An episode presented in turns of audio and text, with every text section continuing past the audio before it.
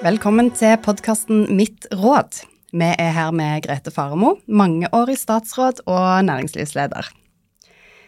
Og vi skal gå rett på sak, Grete, med din siste store ledererfaring eh, som direktør i FN-systemet. I fjor så gikk du brått av som leder for FNs kontor for prosjekttjenester, UNOPS. Det ble kjent at en av dine nærmeste medarbeidere var involvert i økonomiske misligheter. Du må fortelle oss litt om dette. Hva skjedde? Ja, jeg hadde vært eh, leder for Junops innpå åtte år, og det var et privilegium å lede denne organisasjonen, som egentlig er ganske spesiell i FN-sammenheng. Den drives som et privat foretak, men selvsagt non-profit, og gjennomfører prosjekter i noen av de vanskeligste delene av verden. I de åtte årene så eh, opplevde vi å inn på å tredoble resultatene. Og vi ble en strategisk partner for Verdensbanken, EU og mange regjeringer i gjennomføring av prosjekter i noen av de vanskeligste områdene i verden. Og i organisasjonen gjennomførte vi også full likestilling. Og mens det gikk bedre enn noen gang, så opplever jeg og organisasjonen altså dette sjokket å ha en nær medarbeider som har begått økonomiske misligheter. Når det, når det ble klart for deg, hva var det viktigste du gjorde som leder? Det var jo eh, for det første å adressere øyeblikkelig utfordringen vi var kommet i, og samarbeide med etterforskerne fra FN-systemet. Eh, det var også i eh, samarbeid med generalsekretæren diskutere hva gjør vi nå, for det var planlagt at jeg skulle gå av med pensjon i mars i fjor, men eh, vi avtalte at jeg skulle stå seks måneder til. Det var sannsynligvis ikke en god beslutning, for etter hvert som alvorlighetsgraden i saken utvikla seg, så var det vanskelig å se at jeg hadde styringsfart nok til å gjennomføre eh, det vi hadde satt oss fore i overgangsperioden. Og da, siden dette alvorlige forholdet hadde funnet sted under min vakt, så tok jeg ansvar og gikk av med umiddelbar virkning. Mm. I mai i fjor. Ikke sant. En alvorlig opplevelse som leder. Det er det.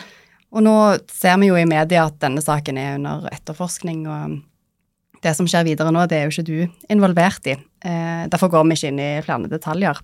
Vi skal litt tilbake til noe lærdom som du tar med deg fra denne erfaringen. Men Grete, du har vært statsråd i fem forskjellige departement. Du har vært direktør i Microsoft og Storebrand, styreleder i Statnett og Norsk Folkehjelp, jeg må trekke pusten. Nestleder i styret i Hydro, direktør i FN-systemet, for å nevne noe. Hvordan har du fått tid til alt dette? Huff, nå hørtes jeg gammel ut. jeg tror det handler veldig mye om engasjement og nysgjerrighet. Og eh, på en måte bevissthet rundt eh, å prøve å bidra eh, til å gjøre en forskjell. Mm. Så i et privilegert arbeidsliv så har det kommet mange utfordringer, mange muligheter, og jeg har tatt en del av de. Og så skulle du jo da, når, når stormen hadde blåst over for din del i fjor, bli pensjonist. Og så lenge varte det? ja, altså jeg hadde bruk for eh, tid eh, for meg sjøl til å bygge meg opp igjen, også helsemessig, etter den eh, voldsomme runden første halvår av fjoråret Eh, men når det på en måte Når jeg lyktes med det, så innså jeg at eh, jeg er altfor utålmodig til å sette meg med hendene i fanget. Så den sjansen jeg har fått nå, den setter jeg veldig stor pris på. Du ble ikke sittende lenge, eh, og nå jobber du i Try Råd med strategisk rådgivning, særlig inn mot ledere og ledergrupper. I dag så skal vi reise tilbake til en av dine tidlige lederjobber på 90-tallet. Omtrent samtidig som jeg får min egen lavalampe og er mest opptatt med å brødfø Tamagotchien min, er du i sving med noe helt annet. Du Grete, du er justisminister og tar på deg en oppgave som kan virke ganske krevende. Hvorfor vil ikke dere at Norge skal være med i EU? Eh, Fordi at vi vil ikke at andre land skal bestemme over Norge. Norge har nettopp sagt nei til EU i folkeavstemningen i 1994. Mens nei-vinden blåser, så skal du prøve å få sentrale europeiske land til å ta Norge inn i Schengen-avtalen. Dette er en samarbeidsavtale som avskaffer grensekontroll mellom landene og gir økt sikkerhet gjennom tettere politisamarbeid. Du må gå klokt fram for å få gjennomslag. Hvordan jobber du helt konkret? Ja, det var eh, en eh, krevende kveld eh, da vi måtte innse at nordmenn hadde sagt nei til EU. Og vi fikk beskjed av sjefen vår, Gro Harlem Brundtland, om å gå hjem til våre respektive departementer og stå på fortsatt for å sikre norske interesser best mulig ivaretatt. Og i og med at svenskene og finnene hadde eh, sagt ja til EU-medlemskap, så sa de veldig fort at de også ville med i Schengen-samarbeidet. Danskene hadde vært nølende. De ville ikke med i Schengen-samarbeidet. De hadde satsa på den nordiske passunionen som hadde gitt alle nordiske borgere reisefrihet siden 1950-tallet. Nå var hele denne nordiske passfriheten kommet i spill. Mm. Så eh, for meg så var det viktig å tenke på hva tjener eh, våre interesser best. Og det var jo å ikke konfrontere for det første nordmenn med pasttvang, uansett hvilket land de nå ville reise til. Det ville ikke, tror jeg, nordmenn akseptert etter å ha kunnet reise fritt siden 50-tallet. Og når du veit hva det er som virkelig bekjemper kriminalitet, nemlig dypere eh, politisamarbeid, så var jeg ikke i tvil om at vi ville som nasjon være tjent med å gå inn i Schengen-samarbeidet, og at vi ville være best tjent med om de øvrige nordiske landene også gikk inn. Mm. Så vi gjorde ei grundig analyse av posisjonene til de ulike nordiske landene. Og skal jeg fortelle deg hva jeg fant ut? ja, gjerne. For det første så var eh, danskene redde for å foreslå Schengen-samarbeidet selv, for de hadde eh, sagt nei til sikkerhetssamarbeidet allerede da de gikk inn i EU tidlig på 70-tallet. Men de kunne godt tenke seg å henge med om de øvrige nordiske landene, og ikke minst Norge, eh, ville gå inn. Svenskene var jo litt provosert av at eh, nordmennene hadde sagt nei til EU, og kanskje derfor litt reservert i å være for at vi skulle likevel være med inn i Schengen, men de innså at de aldri ville kunne kontrollere grensa mot Norge. Tenk hvor mange skogsbilveier eh, som finnes over den lange grensa. Og at vi skulle ta yttergrensekontroll mot havet, eh, det kunne de godt eh, like. Mm. Så gikk vi gjennom hva er det som eh, på en måte er eh, vanskeligst, og fant ut at grensa mot Russland i nord, den skremte nok ikke bare våre nordiske venner, men vi måtte også være veldig opptatt av det i forhold til de øvrige Schengen-landene. Så altså en aktøranalyse. Ja. Viktig. For Grunnen til at vi snakker om dette, er jo at det er et godt eksempel på hvordan du har jobba som leder med å starte med å kartlegge aktørbildet. Eh, kan du si litt om den modellen som du bruker da? Jeg husker jeg besøkte den danske justisministeren ute i en kornåker på Jylland. Eh, han var eh, fra et konservativt parti, men vi fant ettertrykkelig ut av eh, det med hverandre og hvilken strategi vi skulle følge for å få med oss svenskene. Mm. Og også at vi kunne regne med, det var vi enige om begge to, at finnene uansett ville være positive til at hele Norden gikk inn. Og dette var jo ikke aktuelt for Island, som den øya det fortsatt er. Og når vi hadde det avklart, så dro både min danske kollega og jeg til Stockholm og la fram våre argumenter og fikk med oss svenskene på det. Mm. Og da eh, var vi enige om at eh, historien overfor våre lands befolkninger var at vi skulle videreføre den nordiske passunionen og til og med tilby noe som var enda bedre, nemlig reisefrihet mm. i store deler av Europa. Mm. Det endte ganske godt, dette her. Ja, det gjorde det. Eh, selv om forhandlingene pågikk nesten to år og vi eh, støtte på mange problemer, så var det ikke før vi kom i sluttforhandlingene at vi skjønte vi hadde et fundamentalt problem knytta til et tett politisamarbeid. Det var mange EU- og Schengen-land som ikke trodde Norge ville være innstilt på det, siden vi hadde sagt nei til EU. Mm. Så da måtte jeg finne nye alliansepartnere. Og da eh, så jeg at Tyskland hadde litt dårlig samvittighet for å presse danskene til å gjøre litt for mye kontroll av nordiske borgere i forhold til de rettighetene vi hadde etablert i den nordiske passunionen.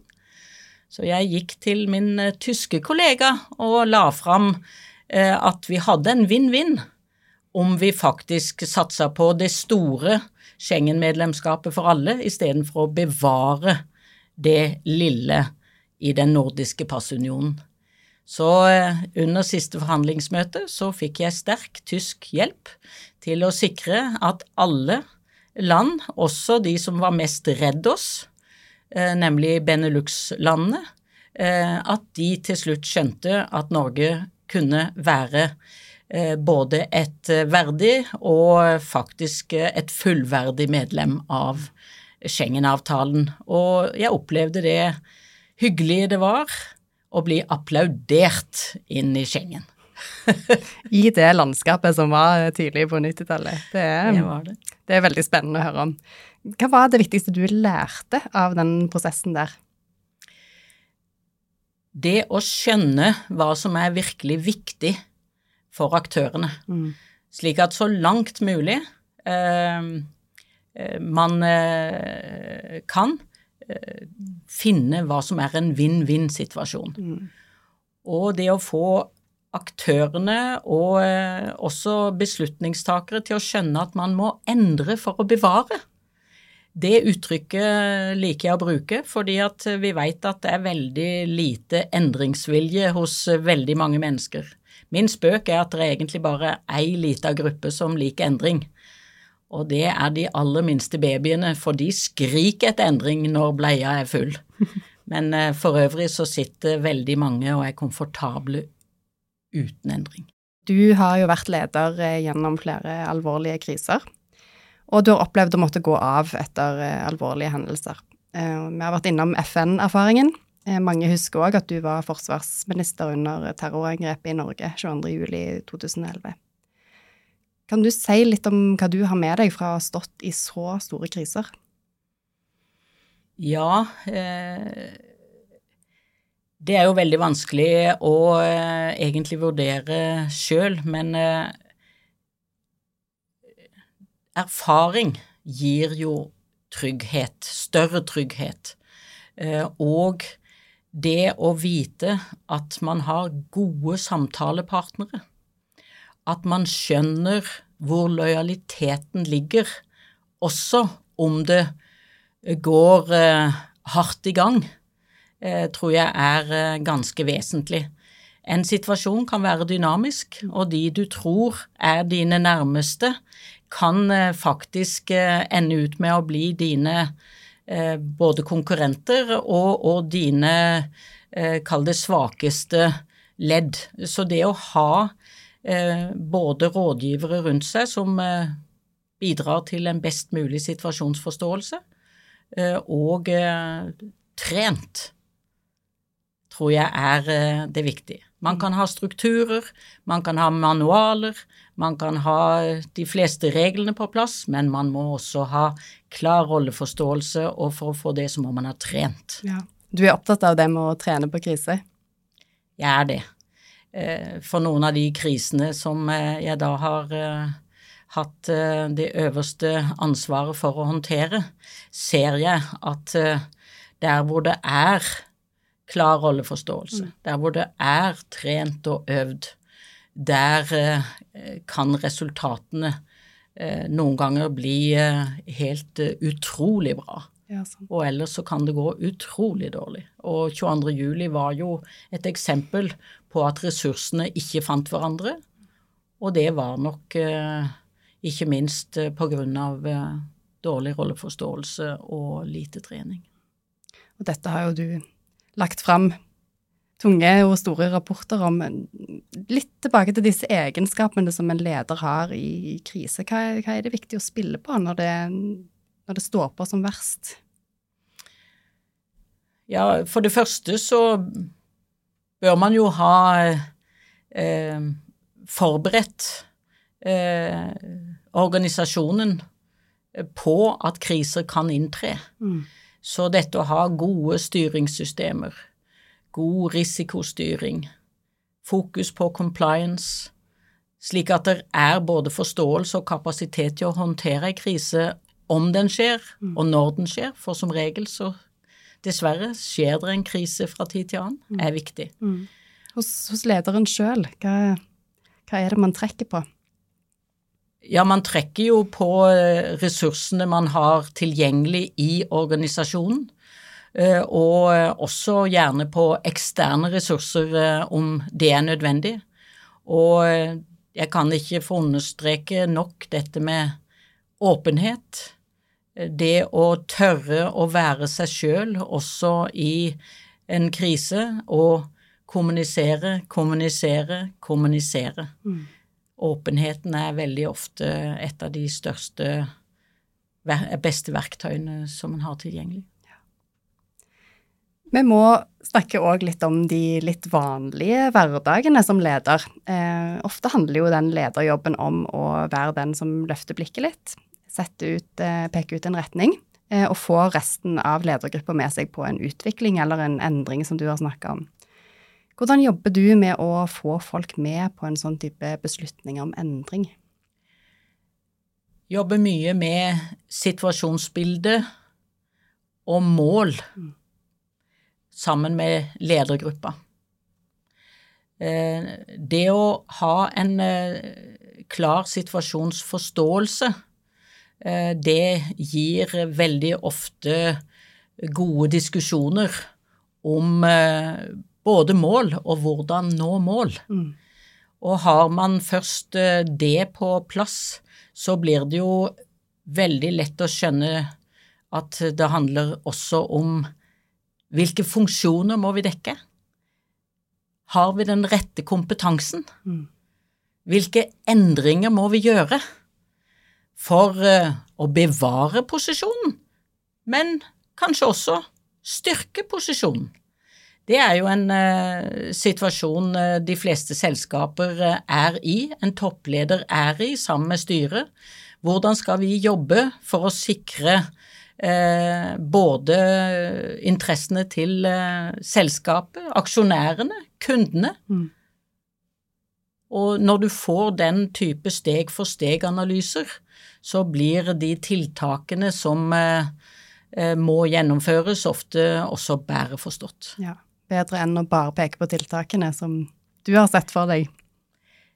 Ja, jeg tror det er helt uh, avgjørende, og jeg har jo vært uh, leder da både i uh, Norge og i utlandet, og jeg vil si det er et privilegium i Norge å kunne jobbe f.eks.